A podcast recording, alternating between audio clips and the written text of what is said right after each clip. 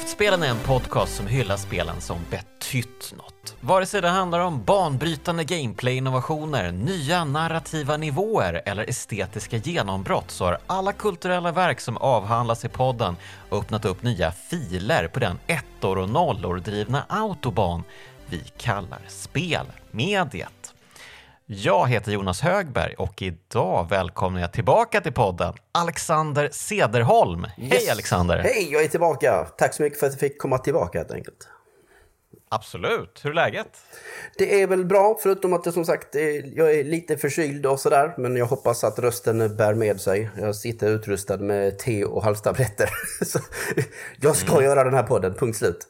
Yes, och eh, du var ju med senast och pratade om eh, Outer Wilds. Ja, ett underbart, underbart spel. Um, och eh, det var väl kort därefter som du påpekade att du gärna ville prata om Yoshi's Island också, som vi ska prata om idag. Precis, uh, som, är, som är detta, detta programmets spel. Och det grejen är ju att, för du har ju pratat nu om Shadow of the Colossus och även Another World, som är mina två andra favoriter. Mm. Så det var så att nu jag måste, om jag ska få prata om ett kraftspel till så får det bli Yoshi's Island. Men det är, ja. det är, den, det är långköraren. Mm. Den har den har suttit och så klappat i mitt hjärta länge. Mm. Ja, men innan vi börjar prata om spelet, eh, hur är läget annars? Jag såg att eh, ni behövde nya skribenter på Player One till exempel. Hur, ja. hur går det där? Har ni mm. hittat några potentater? Inga nya just nu. Däremot så händer det ganska spännande saker bakom kulisserna som jag faktiskt, det kan rent av vara framför kulisserna när, när det här programmet går online. Mm. vi planerar omdesign Mm. Uh, och lite förändring generellt i hur vi ska skriva om spel. Okay. Eh, recensioner, den klassiska mallen ska bort och vi ska bli snarare skriva om hur vi inspireras av spel och vilka delar av spel, lite mer, lite mer spelspecifikt aktigt som min podd. Mm. Uh, så att lite öppnare format, mer kreativt format. Och mm. är det så att någon lyssnar här och tycker att det låter jäkligt spännande istället för att behöva skriva stilal, eller stilmall A1A liksom av recensioner. Så är ni välkomna att söka. Det är alexander at playerone.se som man söker till i så fall. Härligt, då kunde vi ge dig lite reklam här. ja, precis. Mm. Nej men, eh, ja, nej, jag är väldigt eh, pepp och eh, spänd, spänd för det nya liksom. Ja, men det låter härligt. Och sen, så åt, ja, och sen återkommer min podd spelspecifikt säkert någon gång i vår. Men vi får se. Yes, precis. Mm, just det, ja, men det, det är ju en ganska speciellt format ni har. Det är, det är verkligen så här um, liksom, riktiga ämnen ni pratar om där. Det är ju... Ja, ja. Och rätt nischade ämnen till riktigt snäva ämnen ibland. Um, just det här med, för jag gillar ju spelmekaniker och system och liksom teman och såna här grejer. Så att, eh, därför hoppar sånt in hela tiden. Mm. Men vad kul då att vi kan prata om spelmekanik eh, i det här avsnittet ganska mycket. Ja, hemskt gärna. Ja, Absolut. Eh, ja men alla känner ju till Yoshi's Island såklart och jag tror att det här är ett spel som ligger många varmt om hjärtat som växte upp på 90-talet. Det är... För det mesta. ja. Det har väl kommit lite sådär efterhand. För det var lite så här, vet, det dök ju upp i den här eran av att 2D höll på att falla bort. 3D var det nya heta. Mm. Och så blev 2D ganska dissat. Och Yoshi's Island var definitivt ett sånt spel som hamnade någonstans där. Och du vet, bara några månader efter att Yoshi's Island kom ut i 1995, på hösten där, så kom ju typ även Donkey Kong Country 2 ut. Mm. Som hade den här fake 3Dn. Mm. Som också många tilltalades av. Och Donkey Kong Country var ju en succé uppe på det. Ja, och så släpptes ju eh, Playstation och Saturn och eh, polygongrafik ja. blev ju, det var ju det som var det nya heta helt enkelt. Exakt. Men Yoshi's Island, det hade ju verkligen en otroligt säregen estetik. Det här eh, kritliknande, barnsliga, liksom ritade grafiken. Ja. Um, det, det, är ju det som att många pratar ju om den här barnliknande mål, mål, alltså målarkritelucken som du nämner just nu. Mm. Många, och många, för många har också den här första banan i huvudet som är så extremt kladdkriteaktig med förgrundsblommor och sådana här grejer i kraftiga svarta alltså konturlinjer och så vidare. Men börjar man vandra in i spelet mer och mer så finns det liksom otroligt vackra så här, pasteller och andra typer av art design som jobbar.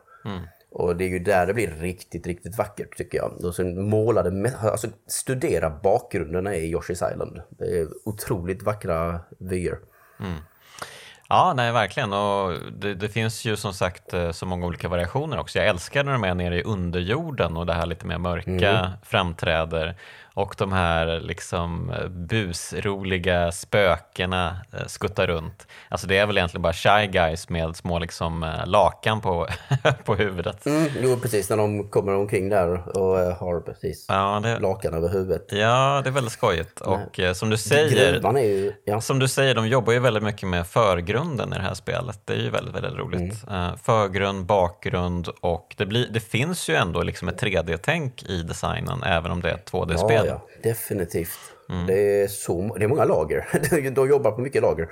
Eh, på bana värld 5 så är det ju mycket snö och snöstorm och grejer. Och där är liksom snön i bakgrunden, i, i där i fält, alltså i grunden där man jobbar, där man springer på plattformarna. Och även i förgrunden.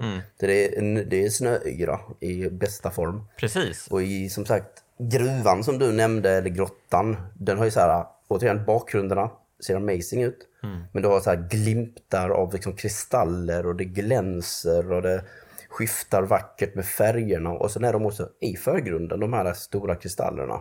Och de här um, chain chompsen. eh, det finns ju banor uh, där de anfaller från ovan och äter upp en bit av banan. Eh, Det är ju fantastiskt roliga banor, men man, då ser man ju dem i bakgrunden när de liksom planerar sitt anfall och sen så skuttar de iväg och sen så hör man dem liksom, oj nu är de på ingång här, jag måste akta mig så att jag inte fångas av dem och eh, blir nedmald i avgrunden. Nej precis, och de kommer ju ifrån ovan liksom när de väl kommer. Ja, Det finns ju en eh, gömd chain chomp i, ett, i en borg. Och den, han sitter liksom fastkedjad som en klassisk chain chomp. Eh, och han har också förmågan att så här, hoppa ut i förgrunden. Men han är också på ditt plan från början. Så att då kan man faktiskt gå bakom honom. När han hoppar ut fram i förgrunden. Men ja, jag, jag tycker också, det är typ andra banan som man får se det. Det var en av de här stora sakerna som de ståtade med tidigt när de pratade om spelet. Ja, precis. Det här he- spelet heter ju faktiskt Super Mario World 2 och eh, är, ska vara en uppföljare då till ehm, Super Mario World, även om det är lite svårt att förstå exakt hur det är en uppföljare med tanke på att det här spelet då utspelar sig Ja, vad kan det vara? Eh, 40 år innan kanske? Alltså, Hur gammal är Mario? ja, får, ja, precis. Hur gammal är Mario egentligen? Han ser ut att vara en man i 40-årsåldern, men eh, mm. Alltså han, han är ju lika gammal som mig tekniskt sett. Rent av ett halvår yngre kanske. Och jag är 42. Okej, du vet att Mario är 41, eller vad? Nej, alltså jag vet att Mario skapades i 81. Jo. Precis som mig. Jo, men, men han, han skapades inte som en bebis. Eh, Nej, han gjorde ju inte det. han gjorde inte det. Eh, Men han är en bebis i det här spelet. Och det är ju, det är en origin, det är en origin story för Mario och Luigi. ja, det är ju en jätte... Alltså, vi prat, du pratade ju om att, de, att Donkey Kong Country 2 med sin fake 3D kom ut samma år. Men de har ju faktiskt... Eh, introt och outrot är ju faktiskt lite i den stilen. De, de har ju faktiskt ja. lite mer eh, försökt anamma den stilen och det är lite medvetet att de har försökt flika in det också i spelet. Lite i efterhand när de insåg att eh, Donkey Kong Country var på väg att bli en stor grej. Liksom. Det är inte jättesnyggt. Alltså nu efter, jag tycker att det är Mm. lite klumpigt den grafikstilen de har kört här. Det, det, det, det ser sjukt snyggt ut i end credits. När, man, Mm. när storken är på väg att flyga tillbaka med Mario och Luigi Mm. på väg hem till mamma och pappa. Eh, då är det faktiskt väldigt snyggt och elegant gjort. Annars vet det tusan om jag tycker att introt är så snyggt. Mm. Men det är i alla fall det som händer att eh, storken är på väg med Mario och Luigi. Men Kamek, eh, den onda trollkaren i Bowsers hov, dyker upp, norpar Luigi och eh, drar iväg. Och i samma veva då så faller Mario eh, mot eh, den lilla ön nedan och dimper ner på Yoshis rygg. Han borde knäckt ryggen på dem. Ja, precis. Och det roliga här är, alltså jag visste inte det här, jag, kom, jag läste det nu, men ehm, det ser ju ut som att Yoshi har en sadel. Ehm, men det är ju Ja. i själva verket ett skal. Um, och han är ju egentligen någon sorts släkting till uh, dinosaurierna och Koopa-varelserna. Liksom. Ja, det finns ju en sån här konstig uh, bibel som säger att han heter någon sån här Yoshisaurus Monchakupas eller något jo, så jo, konstigt. Jo, men sånt där är ju men, men, efterhandsskapat ju, eh, konstruerat ju. Ja, det, det, är så olika och det här är som jag säger, jag har alltid sett detta som Origin-storyn och inte att Mario och Luigi är några rörmokare från Brooklyn, så som nu som filmen ska till exempel använda sig av. Mm. Vilket visserligen gör så att de håller sig separerade. För det betyder att varje gång som Mario är i film eller i tv-serie så verkar det som att de är från Brooklyn. Ja, det känns ju som att de gjort en hommage till den ursprungliga filmen, precis. Um, ja, medan här, det här, den här origin storyn gillar jag mer. Liksom bara så, ja men de, de, är, de är från svampriket, punkt slut. Ja, alltså överlag så gillar jag ju, det är ju i, um, det är ju Super Nintendo-versionen av Mario som jag gillar bäst egentligen. Uh, både Super Mario World 1 och 2. Uh, eh, det är ju liksom mm eh, nästan en perfekt eh, värld och liksom stämning och eh, estetiken. Allting är perfekt med de här spelen tycker jag nästan. Um, mm. Och eh, jag menar, men de bara, spelar väldigt olika. Ja, men precis. Och bara det att här liksom, i Super Mario World då, så är det ju Bowsers eh, riktiga ungar, tycker jag, som är med. Inte den här odrägliga slyngen som kommer senare. Liksom. Nej, just det. Som, junior. Ja, Bowser Junior. Uh, jätte, jättetråkig eh, karaktär som de introducerar senare. Um, men ja, det är de ursprungliga barnen man älskar liksom. Ja, nej, de har ju i efterhand blivit Koopalings istället. Ja, det är så jävla dåligt. Så jävla de dåligt. De är också efterkonstru efterkonstruerade på något Fan sätt. vad kast alltså. Uh, jag förkastar mm. allt efter Yoshi's mm. Island. Eh, men, men här är det ju eh, fantastiskt verkligen. Och, eh, men, och Yoshi, han är ju inte ensam, han är ju bara en av många Yoshis. Det är också en, en mm. fin grej här. Att i slutet på varje bana i Yoshi's Island så lämpar Yoshi över Mario till en ny Yoshi. Så är det liksom... Stafettpinne Mario. Precis, det är en stafetttävling snarare. Liksom. Mm. Um... det är en jäkligt oansvarig stafett, för de kastar stafettpinnen till den andra. Mm. Ja, och eh, den stackars stafettpinnen eh, gråter ju en hel del under spelets lopp då, eh, beroende, på, oh, beroende på hur bra man är i och för sig. Men varje gång man blir träffad så flyger han ju iväg en liten bubbla och skriker som en galning. Det är ju, det, det är ju bland det, det värsta ljudet som existerar, tänker jag. Och det effektivaste. Ja, För du vill få slut på det. Man vill få slut på det, exakt. Uh, och det är ju liksom, det är hans skrik och sen är det liksom, det är någon jäkla panikslagen alarmklocka samtidigt som mm. kör igång också. Mm.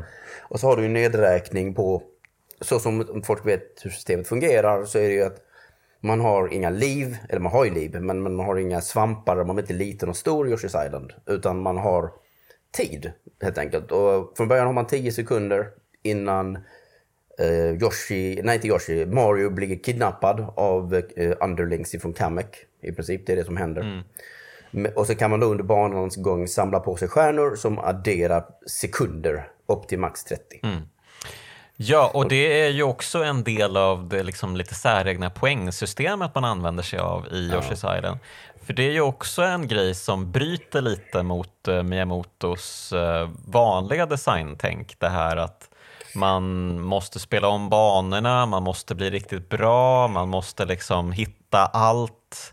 Um, mm, fast World hade ju det också. Det fanns ju alternativa mm. utgångar och så vidare. Ja. Men jag tror också att mycket av det här hänger ihop med att det är, det är Takashi Tezuka som står bakom, han är, han är game director för både World och för Yoshi's Island. Mm.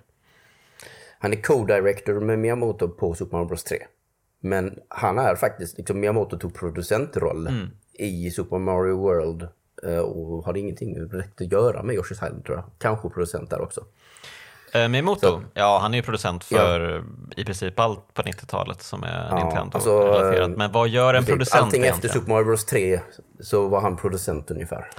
Ja. Övergripande roll. Han var director på Mario 64 också. Det var ju liksom ett litet hjärtebarn. Ja, precis. precis. Um, nej men uh, absolut, det är ganska många egentligen uh, filurer som dyker upp här i Yoshi's Island uh, rent Nintendo um, lore, eller mm. lore, Nintendo um, relaterade stjärngossar. Som du sa, Takashi Tezuka, men även Shigefumi Hino som ju var den som skapade Yoshi då tillsammans med Tezuka.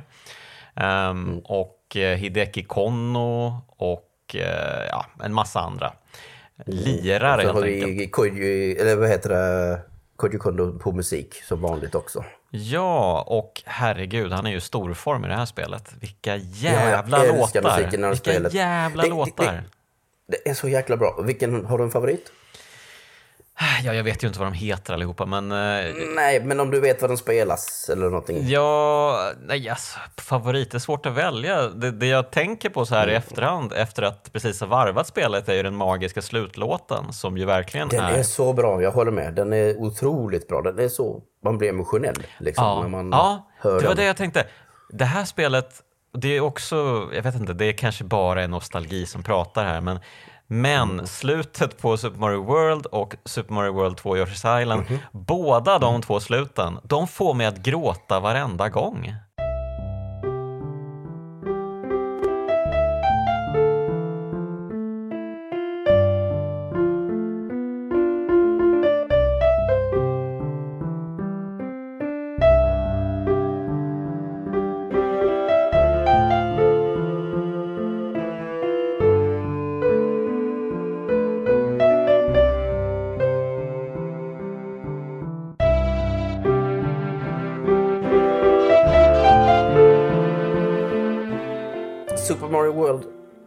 Slut får mig inte att gråta, men jag tycker den slutlåten är skitbra också. Men den är mer så här pepp. Jag blir, jag blir liksom bara pumped av att höra den. Mm. Medan i Yoshi's Island så blir jag mer precis emotionell. För att den är, den det är så vackert på något sätt. Mm.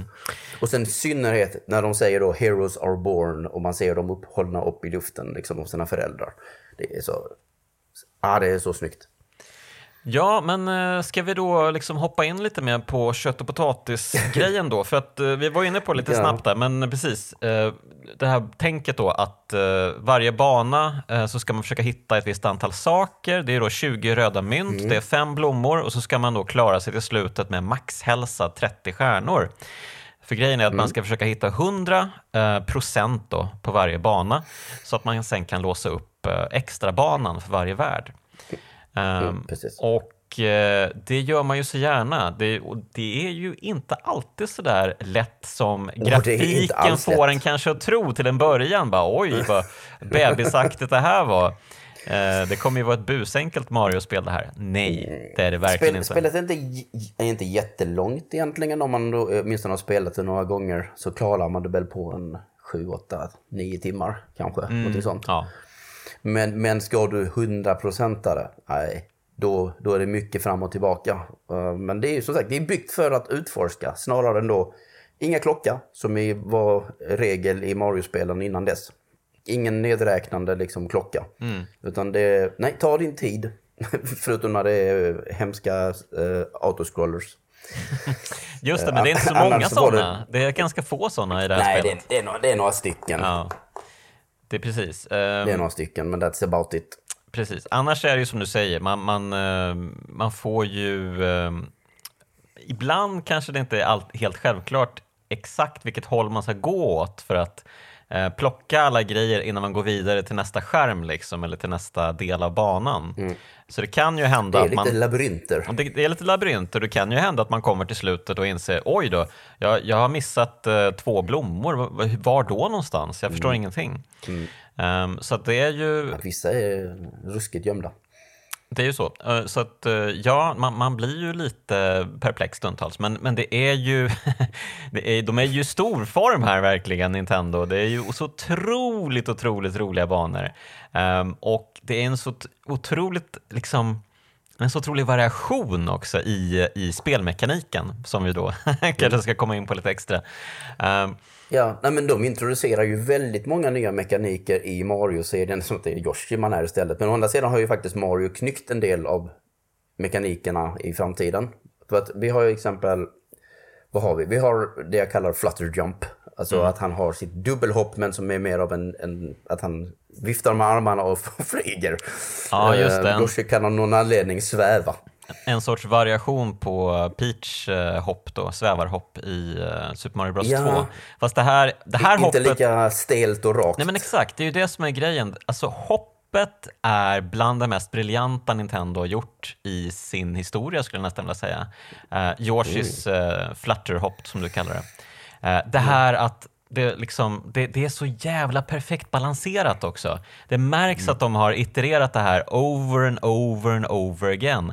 Det här att man först dimper ner en smula när man håller in och han börjar liksom flaxa med armarna. Och sen stiger han upp liksom för att till slut liksom, ah, jag, jag, jag klarar inte mer. Sen dimper han, men sen kan man ju hålla in knappen igen och starta ett nytt flutterhopp. Så egentligen kan man ju mm. liksom hålla på så här i all oändlighet, även om man, liksom, man, man dimper ju en liten bit ner för varje hopp. Liksom. Mm. Och, och, skulle du då stöta på en fiende eller någonting liknande på vägen och studsa på dem så får du en jäkla boost också dessutom som gör så att du kan komma upp hur långt som helst egentligen. Eh, så det är också en sida av det. Och sen så finns det ingen värre känsla än när man gör, alltså man tajmar fel när man ska trycka på, liksom, nu ska jag flaxa och så tajmar man fel och så bara faller man som en sten. Ja, det har hänt. Um... Det, det kan hända. man helt enkelt inte får in rätt tryck i, i rätt tid. Mm. Jag är, precis, det, det är däremot inte lika, um, vad ska man säga, um, extatisk över är att det, finns, eh, när, när Josh blir träffad och då mm. Mario liksom flyger bort i en liten bubbla då och eh, mm. man, man, får ju den här paniken och jag måste, jag måste fort efter honom. Eh, mm. det, det, är en konstig knockback-effekt på Yoshi här känner jag. Oh, den är hård. Och får du dessutom en knockback efter mm, det mm. så snurrar han runt och lägger sig ner. Exakt, eh, så att, ja, det, precis. Det, det, du blir liksom straffad det blir kaka på om, kaka du liksom dubbel, ja. ja. om du dubbelklantar dig så får du extra mycket straff. Exakt, um, och ja precis. Och det här, den här knockbacken är lite skum för att det kommer liksom en extra liten knockback precis efter att man ska ta sig upp uh, och hoppa iväg. Så att det kan ganska lätt bli så att man faller ner för stup om man inte liksom har förberett sig på att det mm. kommer en fiende från ingenstans, liksom, vilket ju ja. är ganska svårt att förbereda sig på. Um, det är det, tveklöst. Det som sagt, det, det har sina fördelar och nackdelar uh, och det gäller att balansera det där. Men visst, att få knockback när man är i luften och sånt, det är, den är svår. Mm.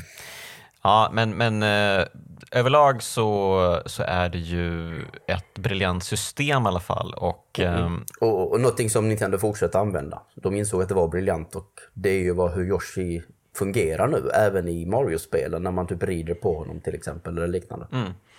Ja, och, eh, men, men det här är ju liksom inte den enda eh, nya gameplay-mekaniken. Yoshi har ju ägg Nej. också. Han har ägg. Mm. Han kan äta fiender precis som han kunde göra i Super Mario World. Mm och skapa ägg. Och äggen i sin tur kan man, man kan ha sex stycken ägg efter sig. Som en arsenal med vapen i princip. Mm. Och sen så trycker man in eh, en knapp helt enkelt och så plockar han fram det och tänker skjuta det. Mm. Skjut, kasta iväg det. Man får en, eh, en vad heter det, ett hålkors i princip mm. som studsar upp och ner. Eller man kan ju fixera det också. Ja. Och så använder man det för att sikta och, eh, och kasta för fiender, ja, alla möjliga saker. Det ingår i bandesignen på olika sätt. Det är inte bara ett vapen utan det är ett pusselelement, eller pussellösande element. Precis, när man försöker till exempel få tag på en blomma som gömmer sig kanske under. Eh, någonstans där man inte kan komma till egentligen. Då kan man ju kanske skjuta ett ägg istället som studsar eh, mellan olika väggar och tar sig in till blomman och eh, norpar mm. den. Um, eller de här otaliga små molnen som då innehåller tid eller röda mynt eller ja, allt möjligt. Mm. De, de, kan ju fälla fram broar till exempel. Mm. Ja, jag, jag, älskar, den här mekaniken är också väldigt bra och jag älskar verkligen mm. sättet de har animerat äggen när Yoshi springer eller går mm. och sådär. Det är också en sån där perfekt grej som de har itererat i, i oändlighet. Eh, det här att de liksom sprids ut när man springer och sen när man liksom går så liksom, liksom de trängs ihop äggen där bakom. Det är så jävla snyggt, jag älskar det. Mm. Och så följer de med, av någon anledning. liksom, ja, precis. Exakt, det, men, de är som små ankungar liksom. ja, eller hur? Ja. Och det är precis, det påminner mig om Papa, Papa du vet de här små eh, fåglarna som finns framförallt på femte världen. Ja, just finns, det. Eh, mm. små duvaktiga varelser som inte har vingar. Just det. Men de har vingar vissa av mm. dem. Och så finns det ju pappa duva, liksom, Goonies kallas de. Och de, han går ju för en stor tjock ankherre kan vi väl kalla det. Och sen har han ju i följeslag massa sådana här ankungar då, eller goonies. Mm. Och de kan man ju ta och använda som kastvapen.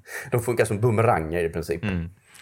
Ja, det, det där är också en grej. Jag tänkte komma in på det lite senare, men vi kan ta det nu. Det här att eh, Yoshi's Island må framstå som extremt gulligt, va? Men det kan vara jävligt mörkt också, det här spelet. Eh, Alltså fienderna, man tycker synd om dem stundtals. Det, det, är så, Vi- ja. det är så jävla, vissa grejer är superhemska. Ehm, när man spöar skiten ur vissa fiender, de börjar ju gråta, stora tårar uppenbarar sig. Ehm, då- till exempel, den jagande chain, jagande. Ja, men till exempel, När de finns- slår, slår i käften i, alltså, i backen till slut när man har kommit i mål. Och så kommer det en tår och så, så faller han. Ja, och nästan, nästan det värsta är ju, det finns ju en eh, bossstrid i spelet eh, med någon, eh, det är någon spikvarelse. Eh, Ja, ja, ja eh, jag vet. Det är näst sista bossen. ja, den heter Tap sex. Tap the Red Nose, den näst sista bossen. Ja. Och Yes. grejen där är att man ska skjuta äggen så att de förstör banan. Det är lite, det är lite um, en, en, Lite en liten take på ehm, eh, Super Mario Bros 3 slutfighten där Bowser förstör banan Mm. själv där.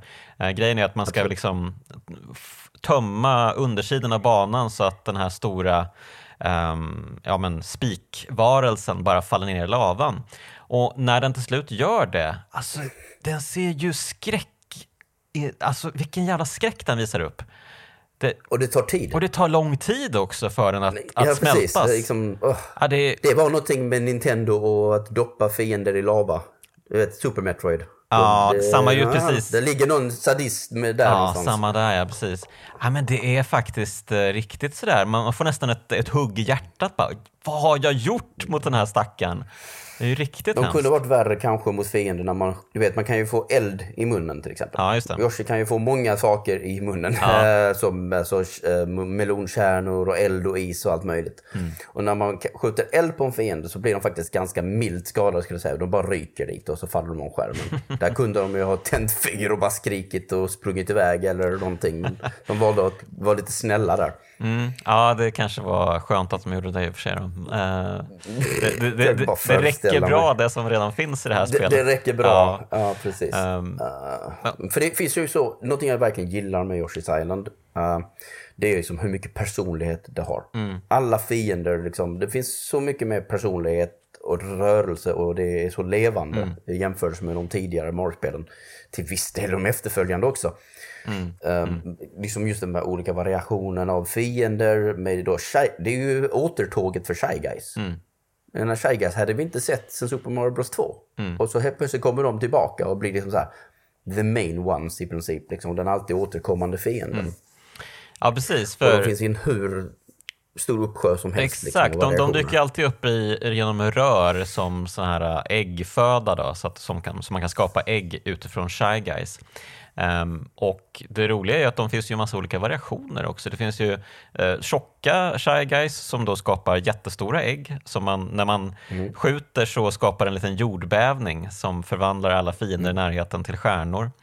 Ehm, och så finns det ju eh, avlånga Shy Guys. Eh, och då skapar man inte avlånga ägg tyvärr, det lyckas de väl inte implementera. Men, men, men de ser jävligt skumma ut. Alltså. De skapar en helt annan vibb liksom, när man får syn på dem. Bara, Va? Vad är det här för typer? Nej, du har, du har infödings-Shy Guys Mm. som och dansar och har spjut. Du har Shy Guys som är på styltor. Mm. eh, Som eh, kan gå i vatten på grund av det till exempel. Fast jag tror för mig de sjunker lite. Precis. Och sen så har du, en av mina favoriter är väl spök-Shy Guys. Mm. För de, du vet de som langar små bomber. Mm. För de, de är upp till i toppen av en bana, de är oftast i en borg. Och sen så kommer det en, de står på ett led, en, sex stycken. Och sen så kommer det en bomb som de langar emellan sig för att sen släppa på dig. Ja. Mm. Men om du, en kul detalj är att om du gör en ground pound, vilket vi inte har pratat om heller, vi, som vi hoppar lite överallt nu med ämnena. Men ground pounden är också typ en mekanik som introduceras här. Eh, och när man ground, alltså gör buttstompen eller ground pounden så tappar de bomben. Och så skakar de andra Shy Guysen på huvudet som ah, vad gjorde du? Och sen den, den som tappar den ser helt ledsen ut. Det är åt det där, det här detaljerna. Det är så mycket, det är ansiktsuttryck och allt möjligt. Goombas finns ju i det här spelet som ser ut som de för första gången liksom på riktigt gör efter i efterhand på något sätt. Du vet Goombas, jag vet inte vad det är för jäkla weird konstig tolkning av Goombas som finns i Super Mario World, men det är inte min Goomba.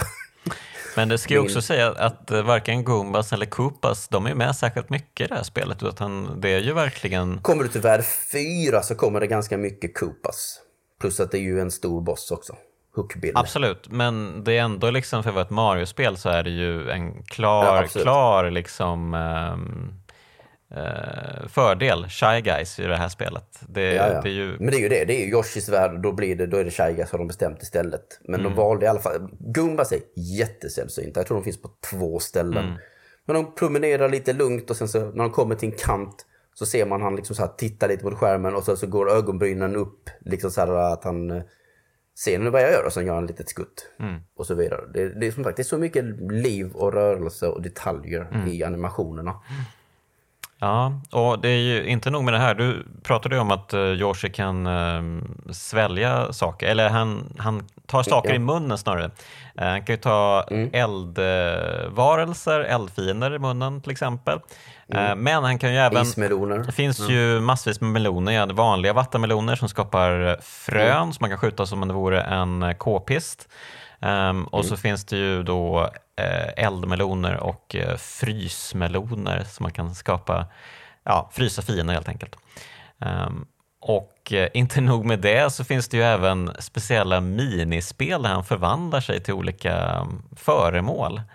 Um, mull... Syftar du på de här, ja ja okej, minispel. För det finns ju minispel, du vet när man klarar en bana så är det ju bokstavligt talat ett minispel. Ja, ja, absolut, absolut, absolut. Nej, nej, Men nej. sen så har du ju precis de här morfstunderna när man blir ubåtar och mullvader och allt vad du Mm. var på väg att säga. Ja, precis. Ehm, exakt. Mullvad och, och flygplan och tåg och, och så vidare. Ja, det är så bisarrt egentligen. Det är så bisarrt. Varför har han den här logik. förmågan? Det är jättekonstigt. Ja, Ehm, det kan man fråga sig. men eh, Man kan ju köpa liksom Super Mario-grejen. ja, det är ju i alla fall det är, liksom- det är liksom lore. Ehm, och, Ja, och också så här, äh, jaha, men då innebär det då att det bara är Mario som kan använda stjärnorna? Ehm, hmm, också lite knepigt. Mm, ja, jag vet inte riktigt. Nej. Hur går det ihop för- med Mario Kart till exempel? Va? Va? Va? Nej, just. Mm. Men eh, precis, Mario kan ju faktiskt aktiveras då om, den, om det dyker upp stjärnor på banan. Då hoppar ju han av Yoshis rygg och eh, tjurrusar med stjärnan eh, över alla möjliga... Han kan ju springa i, upp i taket, I taket. till exempel och, Ja, och eh, springa i loopar. Han blir ju typ Sonic helt plötsligt. Eh, Ja, och, och, och till skillnad från Sonic så kan han springa över taggar. Mm. just det. Och Yoshi för den delen. Så det är också ett sätt som man kommer fram. Man springer i taket, han har en svävförmåga men den brukar jag inte använda så mycket för att man blir så sjukt långsam. Mm. Och det gäller ju att vara snabb i de här segmenten för det är typ en nedräkning innan man måste ta nästa stjärna så man kan fortsätta liksom. Precis, Den här precis. tjurrusningen.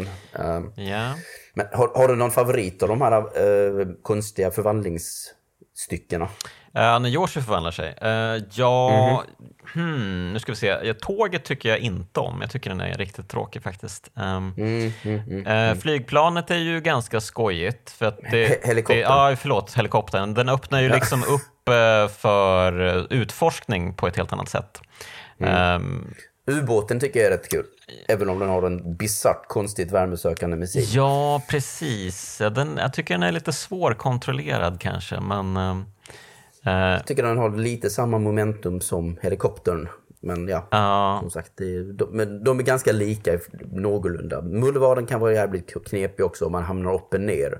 Så fattar man inte hur man ska riktigt vrida sig korrekt igen. Mm. Nej, men alltså det, det är ju liksom det är ju sekundära eh, grejer det här. Det är ganska tydligt. Ja, att, ju- För mig är det ganska tydligt att det, att det bara är liksom utfyllnad, att de vill skapa variation med de här små eh, extra speltillfällen. Liksom. Ehm, Jag tror det finns en helt unik. Du har ju bilen också. Den är ganska rolig, men den är så typ utnyttjas kanske en gång max. Tror jag, just det, jag hade Ehm, nästan glömt bilen. för, den, för det, bilen är ju att man man kan, eh, det enda man gör med bilen är att köra eller så höjer man upp liksom hjulen. Man blir, liksom, går på styltor helt plötsligt. Mm. Så man inte ska gå och åka in i fiender. Ja, men precis. Det känns ju mer liksom uh, inline med resten av spelet. Att det blir liksom en mm. riktig plattformsmekanik egentligen. Uh. Ja, det är inte så att man helt plötsligt är på väggen eller något sånt där uh. konstigt som, eller som i tåget. Tåget är ju jättebisarrt för helt plötsligt så är du bara på väggen av någon anledning.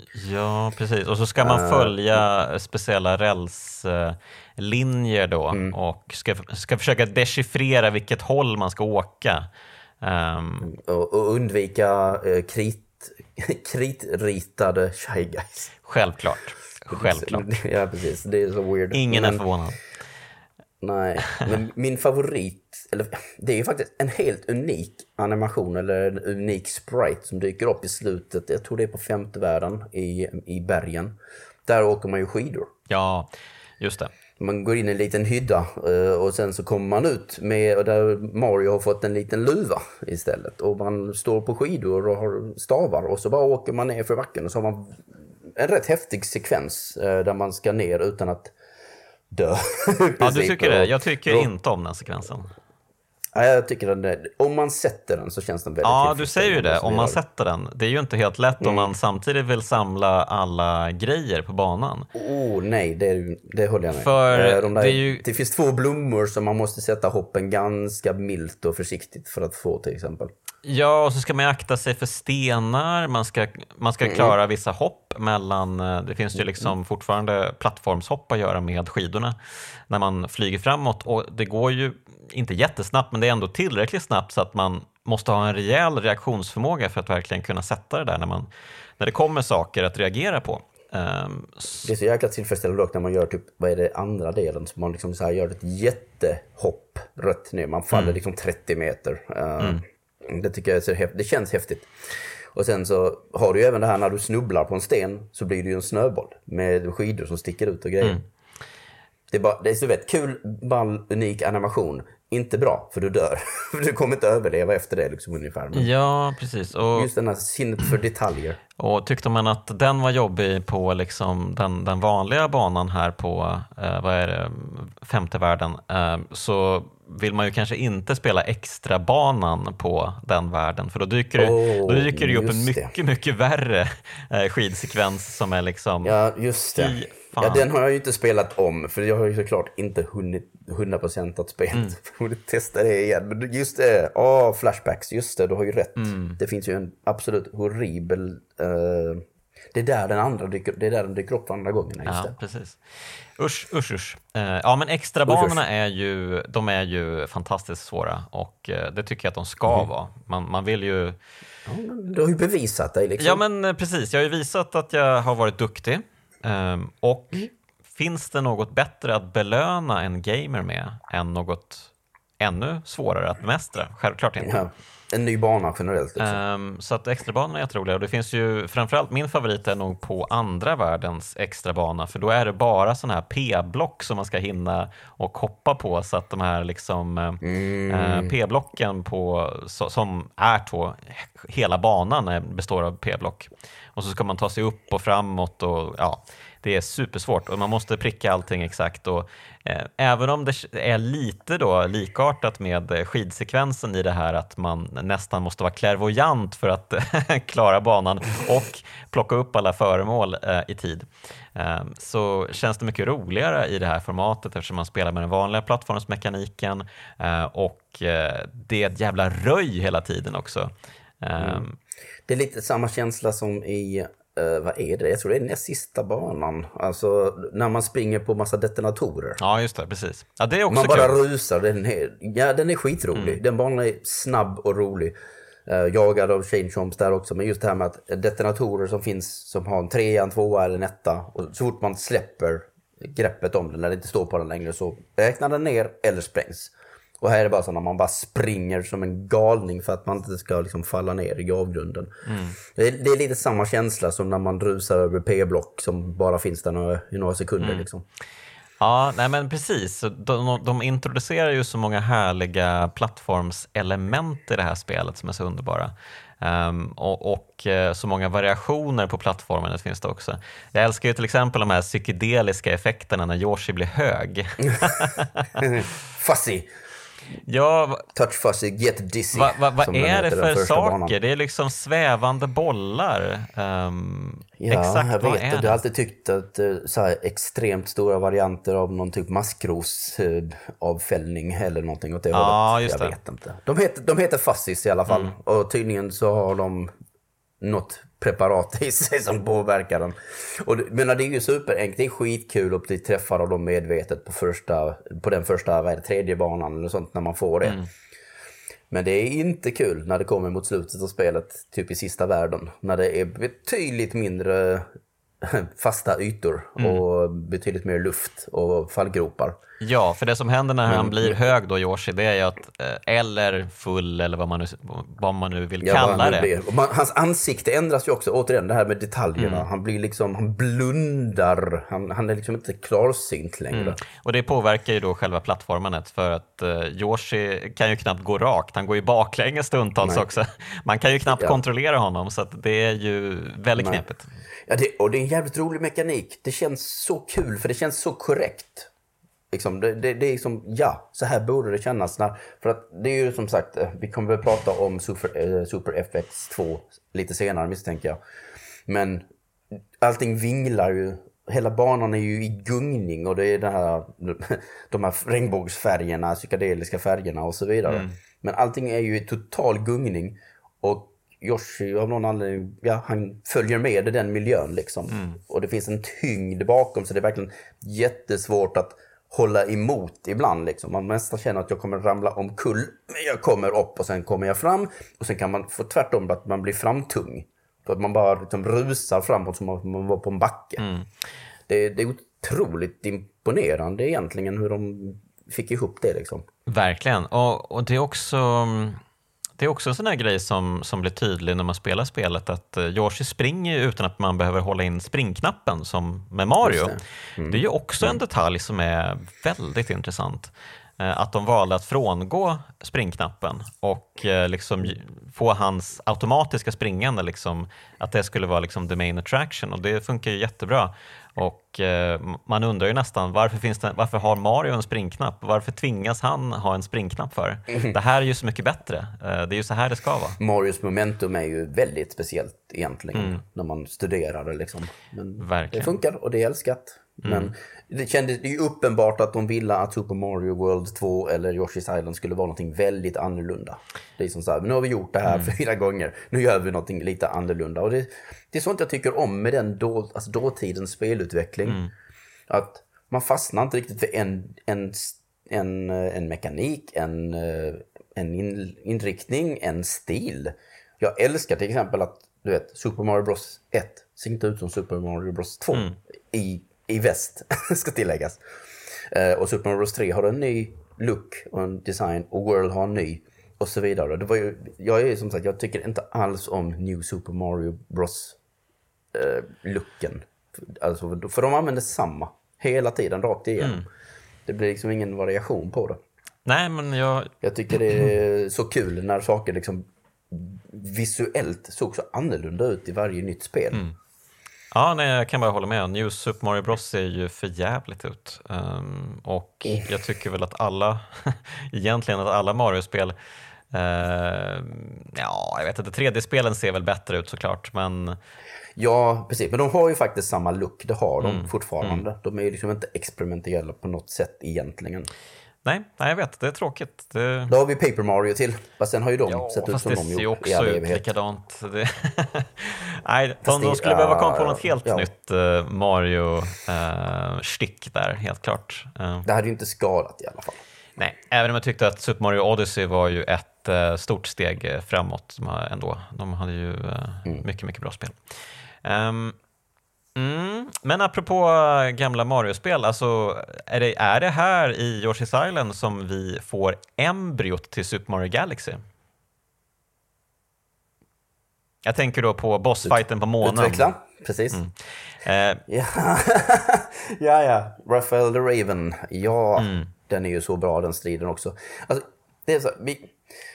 Yoshi's Island har, det är ett av mina, en av mina anledningar varför jag älskar det här spelet är bland annat att det har, det är, som sagt, det är otroligt kreativt och så vidare och så där, men jag älskar bossstriderna i det här spelet och alla bossstrider i det här spelet är inte, inte ens någon knappt är faktiskt svår. De är inte roliga för att de är utmanande, men de är roliga för att de är otroligt lekfulla och kreativa och varierande. Men jämför med bossstrider i Super Mario Bros 3 eller World, alltså du vet när du möter Koopalings och sådana grejer. De, de bara springer runt på väggarna och man hoppar. Samma sak, hela New-serien till exempel. Det är så förbannat tråkigt och enformigt liksom. Sen är ju Mario-spelen blivit bättre på det där med, med Galaxy och så vidare. Liksom, när de har gjort lite mer storslagna idéer. nej, men jag, jag, Här började liksom riktiga kreativa idéerna komma tyckte jag. jag håller med. Det är faktiskt en av få saker jag inte riktigt eh, gillar med eh, Super Mario World. är ju faktiskt bossstriderna. De är ju lite enahanda som du säger. Eh, och Ja. Ja, det är Bowser som sticker ut. Exakt. Och eh, ja, han sticker verkligen ut i det här spelet också. Men det, det kan vi ta om en stund. Ja, oh, det tar vi om en Eh, stund, men absolut. vi kan väl prata bossar, absolut. Kan ju inte prata om Yoshi's Island utan att prata om slutstriden så småningom. Men, Det- nej, men verkligen. Eh, Fan, Men, men, eh, men i abs- så fall. apropå den här, den här bossen då. eh, Man, man, man transporteras till månen. Nu minns jag inte exakt hur det en liten, sker. tyg, en liten tygmåne. Man, man, man knockas väl iväg, eller hur är det? Ja, på något sätt så flyger man ja, iväg han, fall. han, för någonting som är, precis händer i varje encounter med en boss så är det ju att man hittar en, en liten variant, alltså en, en vanlig fiende som man har stött på rätt mycket under, under den här världen och framförallt under borgen som man är i.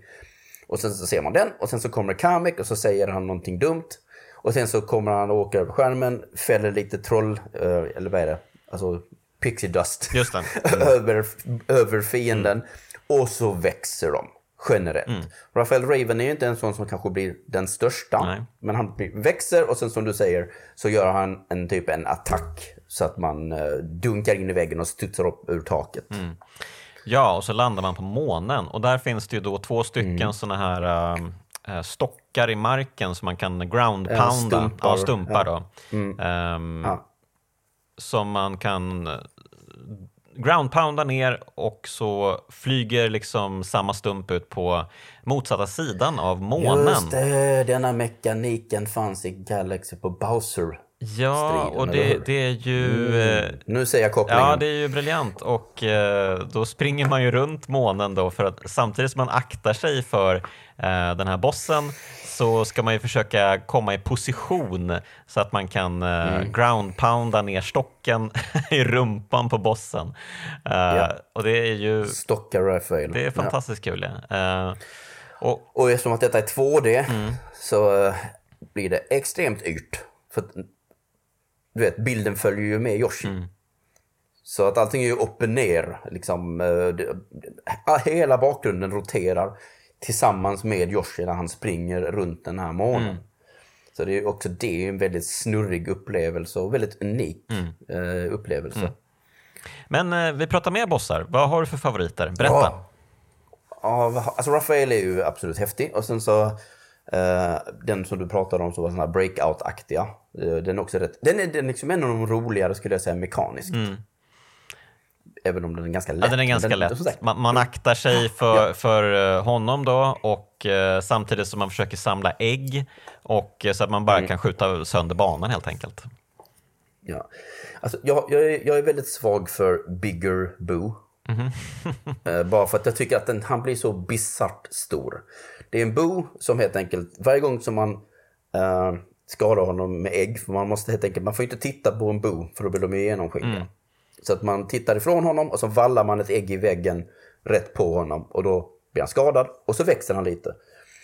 Och i slutskedet av den här striden, efter vad är det, fyra, fem träffar, så är ju den här bon enorm. Han tar ju upp hela rummet. Det är liksom ett litet, litet huvud, ett litet ansikte och så bara en enorm vit sfär.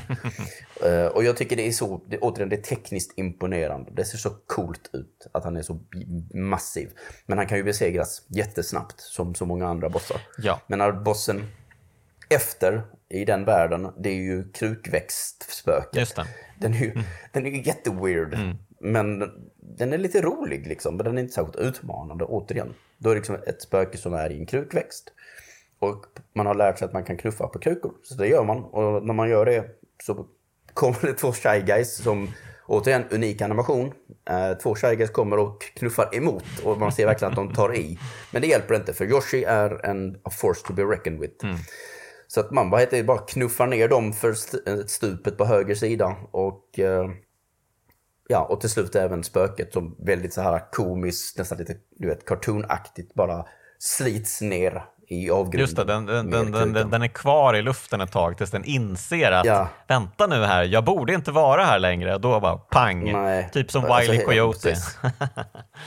Ja. Um, Piraya-plantan är ganska... Alltså det är nog en av de mer utmanande åtminstone. Mm. För där måste man ju eh, skjuta, vinkla ner äggen under banan och eh, knocka... Mm, precis, vallar. Det enda gången spelet kräver det i en ganska krävande Mm. sak ändå. Liksom. Men de, spelet, banan, har ju lärt den att du behöver valla, så här vallar du. Eh, så att, Klassiskt ja, Nintendo-tänk. det är smart. Mm. Exakt. Börja enkelt och sen här är den sista utmaningen. Mm. Eh, och sen får vi såklart inte glömma bossen, eller minibossen om man då kan kalla det i värld 3. Som är grodan. Ja, och som är grodan. väldigt bak, bakvänd i jämförelse med resten av bossarna. För alla andra bossarna, eh, de gör en liten fake-out. För att alla andra bossarna växer ju. Mm. Men i, denna, i det här sammanhanget, eller situationen menar jag, så, så kommer Kamek. All den här uh, pixie dusten kommer. Men det är inte grodan som börjar skymla. Utan det är Yoshi och Mario. Och återigen, det är en, jag tror det är en unik animation där också. Han ser otroligt förvillad ut. Ehm, Och sen så krymper de. Och sen äter grodan upp dem. Och sen utspelar sig bossstriden inne i magen på grodan. Och så ska man undvika, undvika magsyror och vad är det man ska äta? Man ska äta enorma shy guys. Ja. Ja, de är väl antagligen normalstora I guess, men inte nu. och sen gör man stora ägg av dem och så ska man liksom väldigt tillfredsställande valla dem i den här magsäcksväggarna så att den slår till, eh, vad är det man, är det tonsillen eller vad är det man klappar, klappar till egentligen? Ja, exakt. Det är ju någon, eh, precis, i munnen, den här, eh, vad, vad heter den där? Heter den tonsill? Jag vet inte vad den, jag funderar på om det är den som dinglar där. Ehm, f- och och för att hela den här magsäcken är ju liksom, det är som gegg, alltså det, den är slemmig, den, är, den, är, den böjer sig efter dig och så vidare. Allting vidgar sig och om du kastar ett ägget ut i vägg, alltså på vänster sida så bara, då expanderar väggen lite och sen så kontraktar den tillbaka liksom. Ja. Så, Otroligt häftig eh, sekvens. Och sen när man har besegrat honom så flyger man ut på baksidan. Nej, man blir utskiten. Man, men det är ju flyger ut på baksidan. Kom igen, jag vill inte vara så ful i mun. Man blir utskiten, Och då- det är då- fantastiskt. Ja, man blir utskiten och man skapar magproblem i den här grodan. Eh, liknande mekan eller liknande teknik används ju mot, vad heter han, Bash, The Unshaven. Han är femte världens miniboss tror jag. Han är bara en stor slemblob Ja, just det. Mm, just det. som inte gör mycket annat än att bara flyttar sig åt vänster. Och för att han ska putta av det från banan. Men när du kastar ägget på honom så, precis, så sviktar hans kropp inåt. För att han är liksom gjord av gelé nästan. Och så ska man nå hjärtat med äggen helt enkelt. Man behöver typ sätta tre, fyra välriktade ägg i kroppen i samma linje ungefär så man till slut kan nå hjärtat. Ja, mycket bra fight och jag gillar även fighten mot uh, Koopa. Eh, den är ju väldigt bra. Eh, Ja, Hookbill, den är också bra. Väldigt, väldigt bra. Man, man ska ju... eh, ja, precis, det, det kan vara lite klurigt att lista ut hur man ska besegra den först för att den verkar ju till synes liksom... Den går liksom inte att rubba med en ground pound för det är en stor kopa med stort skal. Ehm, och det går inte att skjuta liksom rakt på, men prickar man huvudet när den är på väg framåt och står rakt upp då knockar man ju den en smula bakåt så att den börjar vingla lite och stå bara på ett ben. Och fort, Börjar tappa börjar balansen. tappa balansen. Och fortsätter man med två träffar till på huvudet, då, ah, då faller den bakåt och då kan man ju komma åt magen med en ground pound. Jättekul, jättesmart. Komplett med, eh, återigen, en unik animation där liksom. Nu finns ju bara Hookbill på ett ställe, men du vet han ser så distraught alltså, och ledsen Ja. ut. Han gråter Ja. nästan när han håller på och vinglar och faller omkull. Usch ja. Och här har vi lite den här sadismen igen. Mm. För jag, jag tycker det ser otroligt rått ut när man gör sista ground pounden. Mm. När skalet alltså, kläms ihop som en freaking hamburgare på något Mm. sätt. Och sen bara spräcks den. Och sen är det lite komiskt med att eh, Kupan liksom bara flyger ut i underkläderna ur skalet. Mm. Men det ser så jäkla... Mm, jag tycker det ser ut som du vet, som om man har satt någons huvud i ett skruvstäd och börjat trycka till liksom, på något sätt. Det känns lite Det, det är någon sorts barnslig sadism nästan som, som, Ja. som infinner sig i det här Ja, spelet. Eh, Ja, men du vet såhär Tom och Jerry Ja, ex- ja men exakt. lite exakt. Så, liksom. Det är lite en liten typ av humor som kanske inte skulle flyga idag om, de, om framförallt Nintendo skulle göra nya spel så tror jag att de skulle tona ner den här typen av eh, eh, Mm, jag tycker inte att det är så hemskt egentligen. Men, Nej, eh, nej, ja, men, men det men finns visst. ändå liksom en liten märklig känsla där som är bra. Jag älskar den. Men Mm. jag säger bara det att det är inte säkert att den, den hade fått eh, blomma ut på samma sätt idag. Eh, och det ser man ju även på första bossen, Bertie Bashful, när man skjuter brallorna av en stor eh, bjässe Mm. Det. och eh, får Just det. den att skämmas sönder. Eh, och skäms så mycket att liksom, luften flyger ur den. Liksom. Det, Fiser iväg. det är ju fantastiskt. Och samtidigt, ja, ganska elakt. Det är ju mobbing. Hallå? Ja, lite. Mm. Du har inga byxor och då ska du dö tydligen. Men, ja.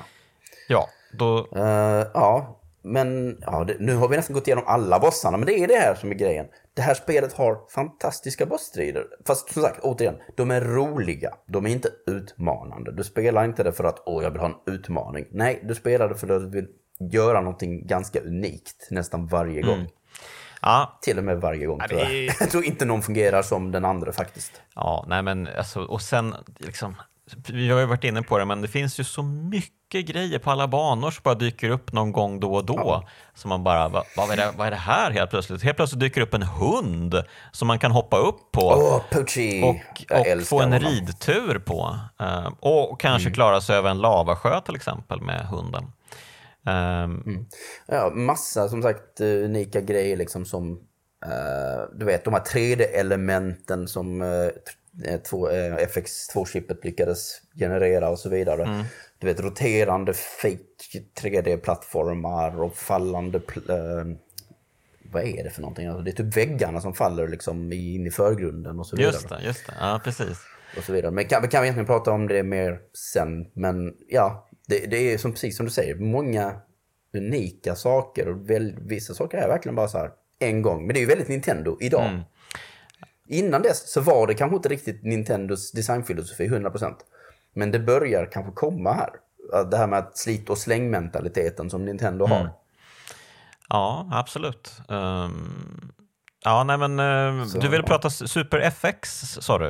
Ehm, det ja, kan du få göra. alltså bara mera för, för att det, det var ju det som hjälpte till att ge det här spelet sin look på något sätt. Liksom. Och det var det som gjorde så att, du vet, återigen, vi var inne i 3D-eran, den höll på att inledas. Liksom. Mm. 2D-spel var inte särskilt lockande.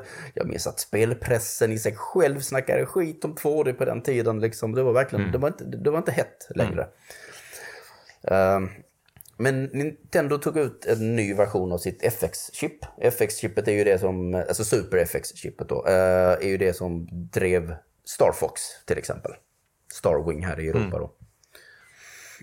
Med sin, eh, ja, 3D och så vidare. Men de, gjorde, de använde ju det till så mycket mera. Och det är ju dessutom, det är Super Nintendo så du vet, vi har Mode 7 och allt det här uppe på det redan. Men FX2-chippet lyckades liksom skapa manipulering av 2D-sprites. Som de tydligen, jag kollar upp där, men de kallar det tydligen morphmation. Vilket är ju det som gör så att saker eh, expanderar och gungar och håller på liksom. Men när du kunde ex- skapa extra lager av parallax-scrollning. Eh, massa roterande sprites samtidigt. Eh, det är därför du får, så, så fienden kan ju gå på, på diagonalen i de här spelen alltså, och så blir de lite annorlunda. Man ser liksom att de har vridit hela spriten och det anstränger systemet lite. Eh, bakgrundsförvrängning så som med Touch Fuzzy till exempel.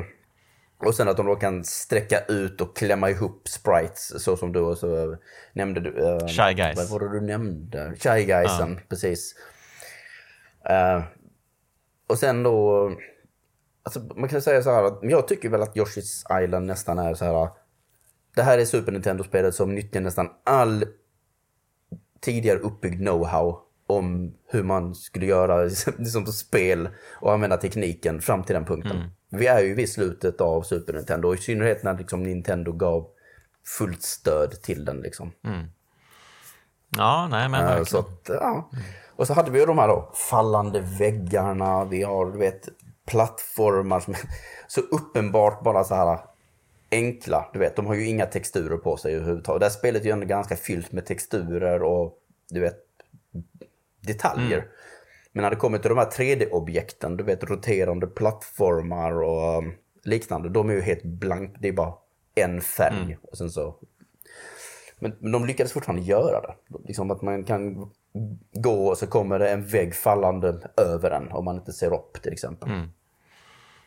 Ja, jag är, som sagt, det finns så otroligt många. Det finns ett så här, de har ju gjort ett... Det finns ett jättekonstigt perspektiv på vissa barn i borgar. Mm. Att du vet, du ser ju Yoshis ifrån 100% så här 2D, mm. från sidan. Mm. Men på några banor kan du gå så att det ser ut som att du har en bakgrund bakom det. Som att du går i mitten av plattformen, nästan som du ser det lite snett ovanifrån. Ja, just. Mm. Och då gör de också, leker de också med den här klassiska eldslungan. Alltså du vet Super Mario Pinnen med eld, jag vet inte vad den kallas. Pinnen med eld? Nej men det är som bara roterar ja, ja, ja, runt. Alltså eld, mm. den eldstången liksom. Och den har ju nu förmågan att helt plötsligt rotera i, liksom på en Z-axel istället. Liksom. Att den roterar liksom inåt och utåt istället. Ah, just det. Mm. Och det ser också jävligt häftigt ut.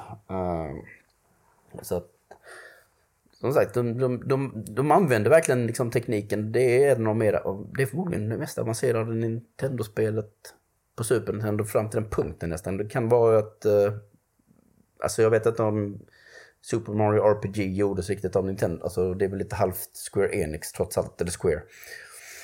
Och sen så finns det ett Kirby-spel som kom väldigt sent som också var väldigt tekniskt kompetent. Mm. Ja, nej men inget spel är ju lika snyggt som Yoshi's Island. Um... Inte ur ett estetiskt perspektiv. Jag minns ju att det här var så, du vet, det här blir ju, ja vad det ser ut som ett barnspel, det ser kladdigt ut och vad är detta? Men återigen, många fastnade väldigt mycket för de här första bilderna som dök upp i uh, Superplay egentligen liksom. Jag minns ju, det, det utannonserades ju ganska snabbt och kom ut ganska kvickt kort därpå. Det var inte, det var inte känt jättelänge. Superpower tror jag du menar. Är det till, ja det är det nog. det är 95 det kom. Ja, det är Superpower, mm. det stämmer. Ja, precis. Uh, så nej, precis. För att det var inte det var ingen stor uh, hype eller build-up på det spelet. Utan det, det kom. Ut, annonserades, kom ganska kort på. Ja. Men jag var jättepepp på det. Ja, men, men man ska, man ska, vi, nu framstår det lite som att uh, det blev uh, en, en bomb det här, men det sålde ju faktiskt skitbra det här spelet. Um, mm. Och uh, flera miljoner ex, kanske fem, sex totalt. Um, så att, mm. Och för den tiden så var det ju jättebra liksom, siffror. Um, så att det blev ju en stor succé. Det var med inställningen som det, det var liksom, det, det, kom lite i fel era på något vis. Ja. Men sen har du ju, du vet, alla uppskattar det idag i princip. Det finns inte så många som inte uppskattar hur det spelet ser ut idag. Och som jag sa, det är så otroligt snyggt. Om man bara, för många som sagt hakar upp sig på mycket av de här screenshotsen som var i Superpower. Som var de här kladdkritebilderna framförallt. Mm. Så många såg den, men såg inte grottan och gruvorna och kristallerna och de här otroligt vackra pastellbakgrunderna och så vidare. Mm. Ja, nej så. men... Och... Man behövde spela det för att förstå. Jag menar så här, man, man, spelar ju Yoshi's Island uh, först och främst kanske för grafikens skull, för man, man gillar det man ser. Och vem kan inte mm. gilla det man ser, tycker jag, i Yoshi's Island? Mm. För det är ju ett av de absolut vackraste spelen som någonsin gjorts. Eh, men man stannar ju kvar eh, på grund av den otroliga bredden som Nintendo visar upp här. Alltså okej, okay, de, de urtråkiga minispelen som avslutar banorna, de kan vi skippa, absolut. Det är ju bara ja. det är ju bajs liksom. Men Jag är inget fan av de här små husen heller, där man utmanar bandits heller. De tycker jag är Nej, ganska och jag, jag blir alltid så besviken när man, när så här, man hittar en nyckel på banan. Bara, oh, nu kan jag låsa upp någon häftig dörr, men så är det till ett liksom, minispels... Eh, eh, hus nej. och då blir man ju svinbesviken. Man bara, åh, varför? Jag vill inte ha ett extra liv till. Vet du hur många liv jag hade när jag klarade spelet? Eh, jag berättar. Jag tror jag hade 145. Åh herregud. Ja, nej, jag gjorde ju en genomspelning av det här spelet med min, min gamla podcastkollega Fredrik Knight.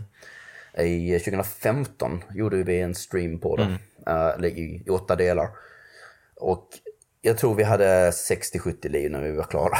det är liksom, ja, för att vissa, vet, minispel ger ju en så ofantliga mängder med, med liv helt plötsligt. Man kan bara få 10 helt plötsligt. Nej, men det, det, är ju, det suger ju. Men, men eh, liksom allt det andra, eh, det här man, man inne i ett spökslott och, och hittar ehm, ett eh, kloakspöke som dyker upp i en ventil och tornar upp sig och som man sedan använder äggen för att förminska, trycka ner in i ventilen igen. Eh, när man Och så återigen ansiktsuttryck. Ansiktsuttryck. Ja, men när man stöter på de här luriga fiskarna med de stora läpparna då? Kom igen. De... Mm. Är det fisken som sprutar vatten? Fisken som sprutar den också? vatten. Jag menar, det finns också Ja. liksom fina variationen. Den, den, är, alltså, den är helt enorm. Det är så många fiender, Det så många olika vissa... fiender i det här spelet. Ja, Ehm, och, och vissa är verkligen bara engångsfiender till och med. Man, man, ibland bara... Du vet, det finns... Vilken är det? Det är, det är någon bossbana. Så finns det en orangeaktig slemklump som man kan trampa på och då stänker han upp på väggen i bakgrunden. och sen så går han ihop igen till en boll och så fortsätter han. Men han finns bara på den banan. Ingen annanstans. nej, det är sant. Sagt, nej det är... Och, och sen när man, när man första gången man stöter på de arga solarna, man tänker åh, en sol, jag ska plocka den. Jaha, det var en fiende. Som, Du menar blomman? eh, ja, p- förlåt, blomman, precis. Ja, precis. Det är ju out Det är blomman. fikatblomman, det är den arga blomman som man tror är en vanlig blomma som man ska plocka. Eh, Men ja, istället så är det en fiende som ramlar ner på banan och rullar efter den. Och, eh, ja, Sniffits gör ju comeback här också, tillsammans med Shy Guys. ja, du får påminna mig, vad är Sniffits? Gasmask Ah, Shy. Guys. Mm. De som skjuter kulor. Eh, De finns också i det här spelet. Bullet Bill finns i grön, ganska stor form. Mm. Ja, men och, och de här, jag, jag älskar de här sväv... Aporna, aporna får vi inte glömma heller. Nej, ja, självklart inte aporna. Det är mycket djur Åh, i det här de spelet är så jäkla bra. eh, så- Det är väldigt mycket. Vi kan prata om aporna sen, du ska få prata Nej, men alltså aporna är jätteroliga och det är ju första gången, nej i och för sig kanske inte första gången, men, men de, de, de äter ju också av vattenmelonen och skjuter Mm. eh, ja, k-pistkulor med fröna. Mm. Först. De har, en unik, de har en unik fysik när de skjuter i jämförelse med Yoshi. Yoshi är ju vet, det sprutar väldigt rakt eller så är det överallt. Mm. Men de skjuter i en slags nedåtgående linje. De, de tappar liksom höjd ju mer och mer den kommer fram. Mm. Och sen har de ett återigen härligt ansiktsuttryck när de skjut, liksom spottar ut det. eh, Och när de äter melonen. Mm.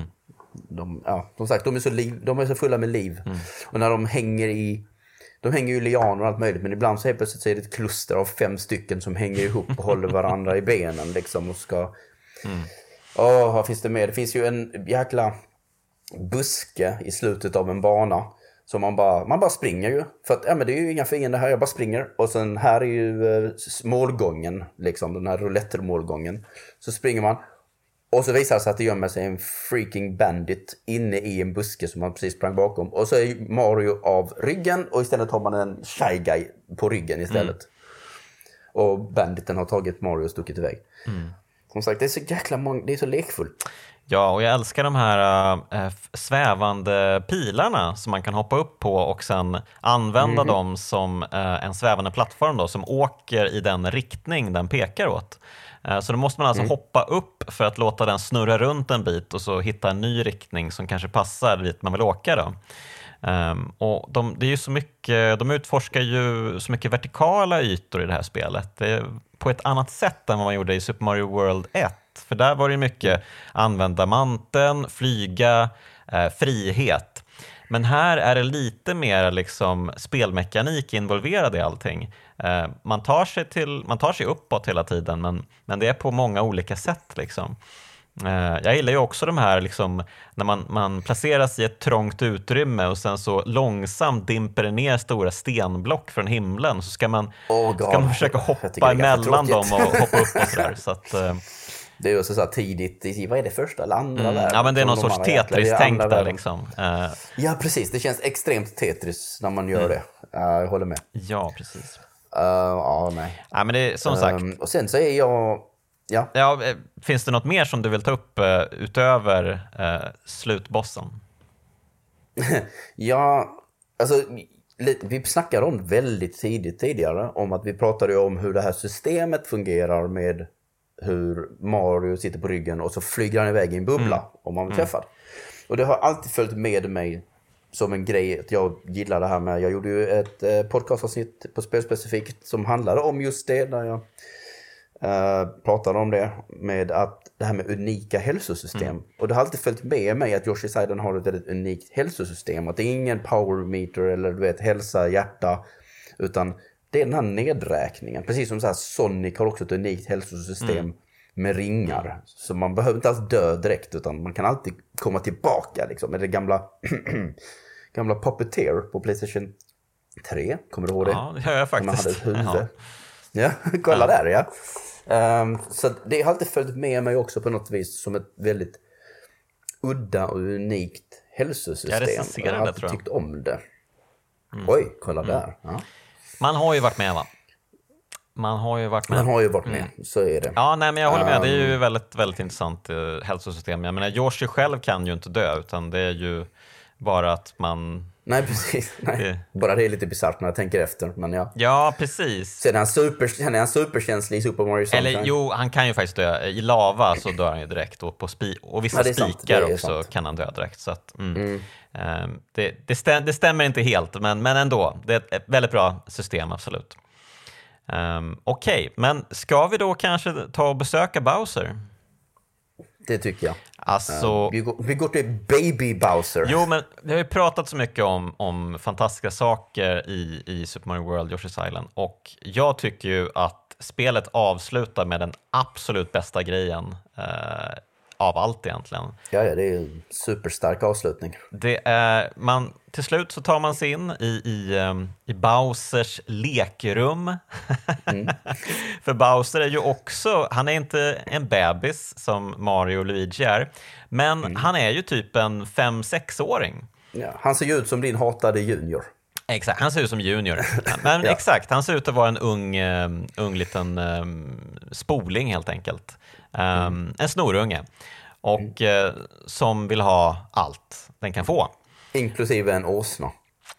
ja, inklusive Vilket han kallar Yoshi av någon anledning. Ja, precis. Eh, och eh, han behandlar ju Kamek som skit. Och Ja, just det. Han det, trampar det är väldigt på roligt honom. att eh, det är, det är liksom Kamek som ändå liksom har byxorna i familjen i- det här laget. Det verkar ju inte finnas någon, någon liksom Bowser-föräldrar i, eller de dyker inte upp här i alla fall.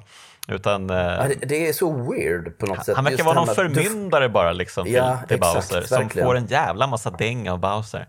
Eh, Och, och som inte är en boss. Vilket förvånade mig ändå lite. ja, det är sant. Man Man får liksom ju, aldrig möta Kamek. man tycker ju verkligen att Kamek borde vara en boss. Lite, lite sådär Kamek kunde ju varit...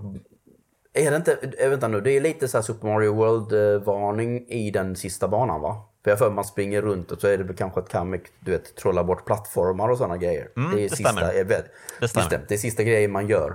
Så det är väl typ striden mot Kamek-ish. Precis, så han figurerar ju absolut där. Och, Ja. ehm, och apropå det, extrabanan på sjätte världen, det där är ju Kamek eh, hela tiden.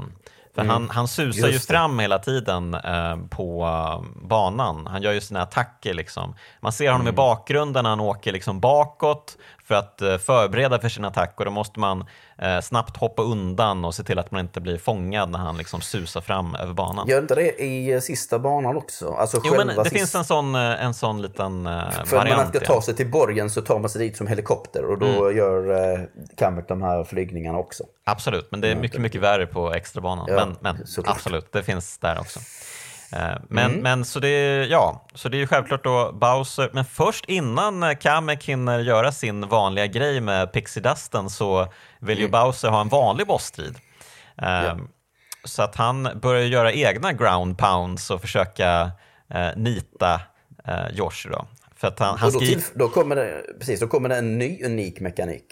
Just det. Mm, mm. För att nu, vi, nu liksom blir det liksom efterskalv av ground pounden som kommer längs marken. Precis, och då ska man skapa sina egna ground pounds så man skapar liksom en jordbävning som rör sig eh, på banan och eh, knockar Bowser. Den timingen kan vara lite svår att få in ibland. Ja, kanske. Just för att man ska få vågen att träffa rätt liksom. Men det känns jävligt bra när man träffar. Det gör det verkligen. Och eh, det känns väldigt bra när Bowser till slut eh, får på nöten, Kamek dyker upp, eh, ja, gör sin grej och eh, förstorar Bowser. Men han blir ju inte bara lite förstorad, han blir ju helt fucking enorm alltså. Ja, alltså, först blir han ju bara, du vet, när han börjar så är det inte det här gamla vanliga skimret. Utan han blir liksom bara svart. För de, han bara har en silhuett och sen så bara gör de så att den siluetten börjar växa och den växer och växer och tar över hela skärmen tills hela skärmen är fade to black. Och, Och sen- eh, och sen får jäklar. vi musiken. Ja, just det.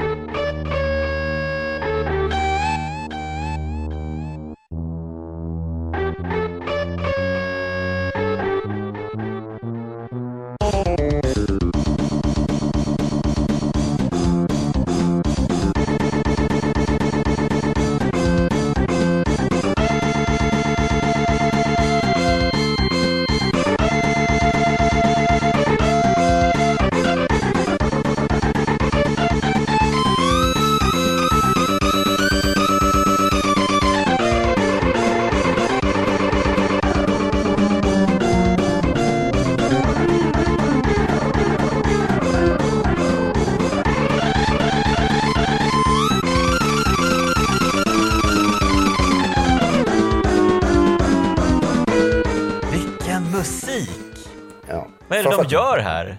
Ja, så de börjar ju väldigt episkt och storslaget och liksom ödesmättat. Men Ja. sen övergår ju musiken till rena metaltoner. Liksom, Exakt. det är ju en otroligt unik, alltså, så speciell låt. Eh, förmodligen som inte, man har inte hört sitt like liksom. För att vara Mario så är ju det här liksom det hårdaste man kan tänka sig eh, dyka upp i ett Mario-spel. Eh, Ja, det är liksom verkligen... Fick man inte lite vibbar av det kanske i så här... eh, vad hette det? I Bowsers Fury. När det blev, du vet, det blev metal-dags när Mm.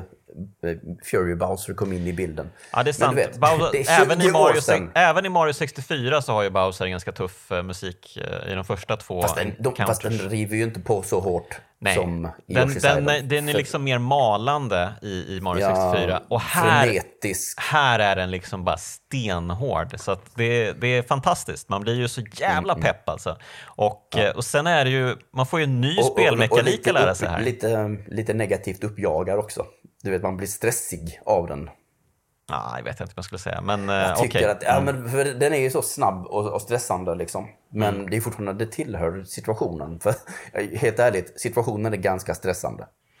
Ja, men man placeras ju på en eh, bana då som snabbt eh, faller ihop. För Bowser skickar ju iväg liksom stora stenbumlingar som eh, äter upp delar av banan så att man måste hoppa mellan allt mindre plattformar. Lite klassisk spelmekanik. Men så dyker det ju någonting- även upp... Ja, kör. Ja, jag säger någonting vi inte har etablerat ännu, det är ju hur den här striden ser ut eller går till. Vi sa att han växte. Men det är så, och så kommer den här ödesmättade musiken och så står man på det här ja, borgkrönet av något slag liksom. Och sen så ser man ju långt bak i horisonten, där har vi månen förresten också. Ja, just det. Ehm, och det är otroligt vackra färger tycker jag i bakgrunden. Jag älskar den här screenshoten, om man säger så. Ehm, och sen så ser man liksom att Bowser stiger upp ur mörkret. Mm. Och han är ju jättelångt bort. Kilometer eller någonting, jag vet inte.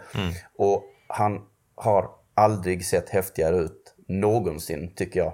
Med sina glödande gula ögon. Och liksom, han är, mest, han är väldigt mörklagd. Så att han, liksom, han ser bara und ut. Han har aldrig sett så freaking kickass ut, eh, tycker jag. Och eh, så Bowser är liksom i bakgrunden när man börjar slåss. Så det är bäst- kanske bra att etablera det. Och sen så gör han det som du säger, att han börjar kasta stenar och grejer och börjar liksom vrid, eh, riva ner banan, kan man väl säga. Så att det blir svårare och svårare att navigera. Ja, men det, det gillar man ju när, när en boss eh, liksom river hela skiten. Eh, när Mm. han bara “This is the final showdown”. Eh, Nu ska allt, allt bara ner. Eh, och Ja, och- ja, men så dyker det upp eh, jättestora ägg som man eh, förvärvar Mm. och då kan skjuta iväg. Och då skjuter man ju då alltså inåt mot eh, Bowser då, som befinner sig Mm. ehm, ja, men i bakgrunden helt enkelt. Så man skjuter Precis. mot Och, bakgrunden. och, och, det är och det är samma sak med Bowser. Bowser skjuter ju till förgrunden. Mm. Eldklot. Det kommer alltså eldklot som flyga rakt emot dig om du Just passar det. Just det. Ja men precis, alltså kom igen. Det här spelet är ju otroligt 3D. Kom igen, det är ju Ja, jo, ja, mycket ja, bättre det- 3D det- än de det 3D-spel vi faktiskt fick 1995. Precis. Det, det bearbetar ju det bearbetar lager otroligt imponerande, om man säger så. Ehm, och det kan vara lite så- klurigt att få till de här, äh, att få till exakt så att ägget prickar eh, rätt. Oh ja. Speciellt när Bowser då är allra längst bort. eh, för då, då, är det, då måste man vara på millimeterprecision med ägget verkligen. Det blir ju enklare när han Bowser- kommer närmare, för då blir han ju större Exakt. och tar upp nästan hela skärmen. Precis, så han klampar sakta emot skärmen, mot dig liksom. Mm. Och han gör det...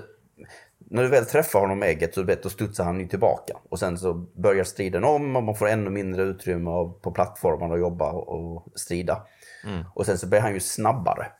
Dessutom. Han börjar liksom småjogga emot, emot dig. Ja. Och ehm,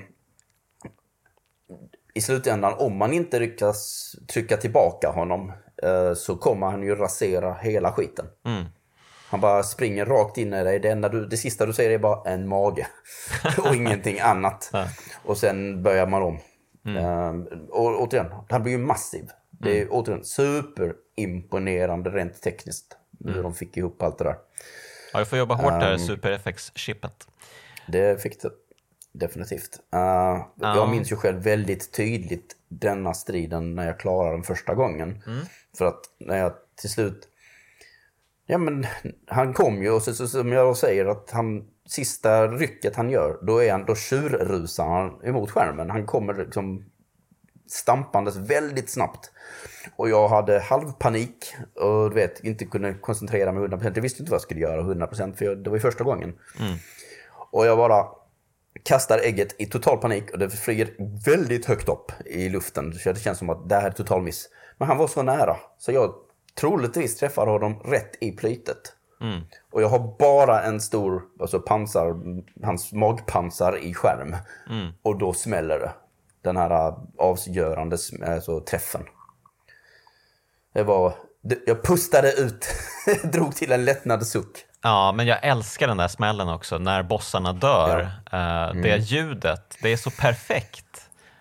Alltså, Ljudet, ljuset. ljudet, ljussättningen, alltså allting är bra. Allting är otroligt Mm. bra. Alltså de, de, de, har nej- de nailar varenda jävla grej här.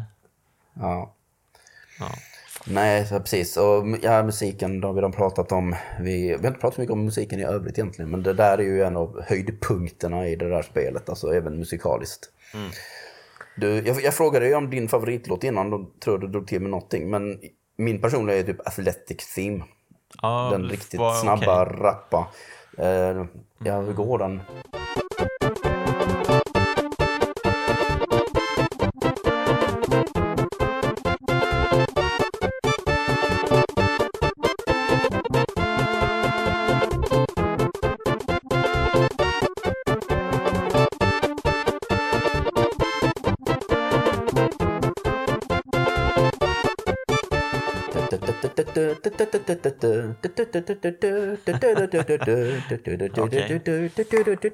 Ja, den. Mm. Eh, sen tycker jag kartlåten är rätt trevlig också. Det är en riktig sån här airworm, även om den är jätteupprepande. Men den, den sitter. Mm. Men eh, ja. Men ja, där är Bowser, ding dong, Bowser is dead. Ding Dong Bowser's Dead och sen får man den här fina storkflykten eh, när Mario mm. ger sig av. Och, Han har eh, hängt upp den stackars storken i fötterna. Det är också en väldigt fin scen när man räddar storken ja, och Luigi. Ja. ja, man bara kommer fram till dem liksom och så ja, första gången, precis, första gången får se Luigi liksom, i, det, i det, den looken. Mm. Ja. ja. och eh, sen blir det Mode 7 typ. Storken flyger iväg. Ja, nu kommer den här precis 3D, eh, fake 3D, eh, nästan Donkey Kong-aktiga looken ja. igen. Som vi hade i introt. Men nu som sagt, nu gillar jag det. Nu känns det väldigt stämningsfullt tillsammans med den otroligt smäckade musiken som spelas samtidigt. Och så som sagt bygger upp crescendo nästan. Mm. Tills man då landar. De till och med ändrar ju låten lite precis i slutet. När storken har landat och lämnar dem. Då blir den väldigt så här glättig nästan. Mm. Och sen så stiger det och växer igen och sen så har vi då den här. Man ser ju, man får ju se Mario och Luigis föräldrars ben. Ja. Och sen händer. Fråga. skärmen. Ja. Är Mario och Luigi, um, är de födda innan de har levererats av storken? Mm, det, det tvistar de lärde. det, det, det, det, är liksom, ja precis, när är du född egentligen? Mm. du är väl född när storken har levererat dig? Mm. Det ja, precis. Väl, det är allt logiska. det här, är det egentligen Mario vi har tagit med på den här resan? Ja, vem är det egentligen vi har haft med oss på resan? En sån precursor till Mario. Precursor till Mario, ett embryo. Ja, precis. Uh... Let's not go there, let's not go there. Nej, jag vet inte, vi ska inte gå in på något sådant. Men du, eh, du kan väl få sammanfatta det här då? För det, det, det tror jag att eh, det här är ju liksom spelet som ligger dig supervarmt om hjärtat. Varför, ty ja, varför tycker alltså, du... Detta är ju, det, är ju, det är ju barndomsfavoriten liksom. Ja. Men varför är det ett del. kraftspel då? Varför är det ett kraftspel? Ja, du. Återigen, eh, för att upprepa mig lite först så är det bara det är kreativt, det är lekfullt, det är så vackert, vilket vi har upprepade gånger sagt. Det är fullt med liv, det har så stor variation. Det finns så mycket fiender, det finns unika mekaniker. Hela spelet kändes väldigt unikt eh, och känns fortfarande... Nej, okej, jämfört med andra Yoshi-spel såklart. Och sen så, som det cementerade Yoshis karriär hos Nintendo. Mm. Liksom det, efter det så var han liksom superstjärna också. Han var sin egen karaktär.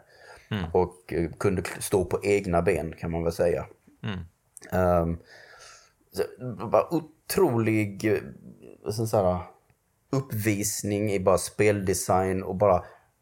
Återigen, den här, bara den här kompromissgrejen på något sätt visar att bossstrider måste inte vara svåra. Men de kan vara kul. Och hur gör vi dem roliga? Mm. Genom att ge oss eh, åtta helt unika bossstrider i princip. Ja, 16 så... blir det väl? Nej, nej, vänta nu. 6 gånger 2 blir det 12. Det, det, vänta, det är 6, vänta, 12 blir det. Det är 6 världar, två bossar i varje. Ja, 12, 12 bossar. Ja. 12 blir det. Shit, är det så många? Ja, visst. Ja. Okay. Ja, mm. Härligt. Det gör mig inte mindre glad. ja, det är just det. Det är bara sex världar. Ja. Man är ju van vid att mm. det ska vara åtta, men eh, det känns faktiskt Precis. inte så uh, hemskt. Det känns ganska ja. lagom ändå.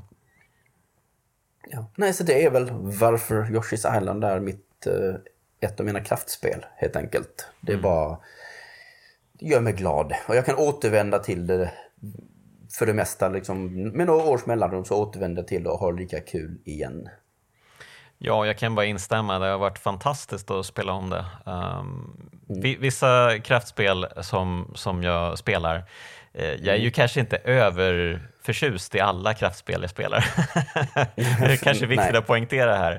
Uh, även om de såklart är kraftspel. Eh, de har betytt... kan, du vet, vi kan ju ändå uppskatta bra spel, om man säger så. Men det är inte alltid för en själv.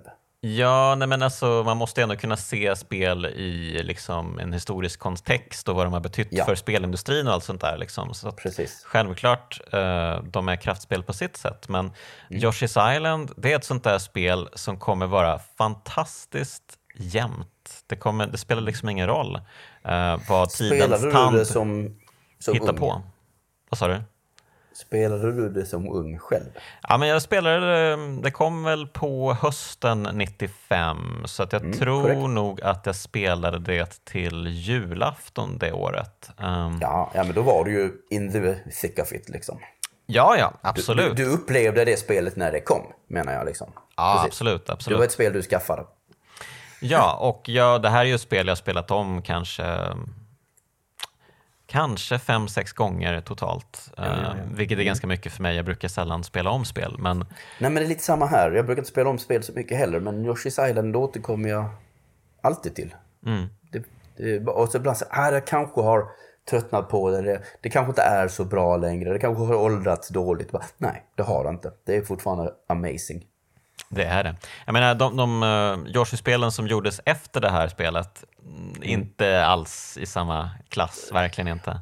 Alltså, Woolly World och eh, Crafted, vad heter det? Ja, det som kom på, uh, kom på Switch tror jag. Eh, det är väl, de är okej liksom. Eh, de, Jo. de har absolut sina stunder. Men de som kom emellan där, alltså på Game Boy Advance och andra grejer, det 3DS var ju vidrigt dåligt. Yoshi Story då? Just det! Ja, det är ju så annorlunda. Och det gav Yoshi sin röst. Usch, usch, usch. Ja. Nej. Eh, så nej, nej det, alltså Yoshis story var ju en... Alltså jag gillar väl kanske Yoshis story till viss del. Men Yoshis story var ju solklar besvikelse Mm. i jämförelse med Yoshis Island. Jag tror kanske att de här Yoshi-spelen som har kommit senare kanske har befläckat lite Yoshi's Island eh, i folks medvetande kanske. Tyvärr. Då är, Ehm, det, då är det bra att påminna dem om... Men jag vet, jag vill ju ha ett nytt sånt spel. Mm. Jag vill ju bli överraskad lika mycket som jag blev när jag, jag är 95 liksom. mm. Men det, det är svårt. Det är svårt. Och jag är ingen person som är så här, åh det var bättre förr. Utan jag gillar att se framåt. Jag är alltid nyfiken på vad som händer härnäst. Men jag vill ju alltid bli överraskad och förtjust liksom. Och Yoshi's Island är ju definitivt ett spel som jag alltid... Alltså Yoshis spel är ju alltid ett spel som jag håller ögonen på och hoppas att snälla den här gången liksom. Ja, jag har nog gett upp hoppet, men jag kommer Ja. alltid, vi kommer alltid ha Yoshi's Island. Ehm, för det kommer alltid vara bra. Mm. Ja, men stort tack Alexander för att du är med i Ja, Kraftspelen tack igen. själv. Ja. Och ett- Nej, det var ett, ett nöje att få prata om Yoshi's Island såklart. Och ett stort tack till er som lyssnat och de finfina pojkarna i Bitpopbandet 047. Eh, ni får gärna kika på Patreon om ni känner för att stödja podden och eh, vill ni följa podden så kan man göra det på sociala medier såklart. Eh, Instagram händer det mycket på till exempel. Hörni, vi hörs igen nästa vecka.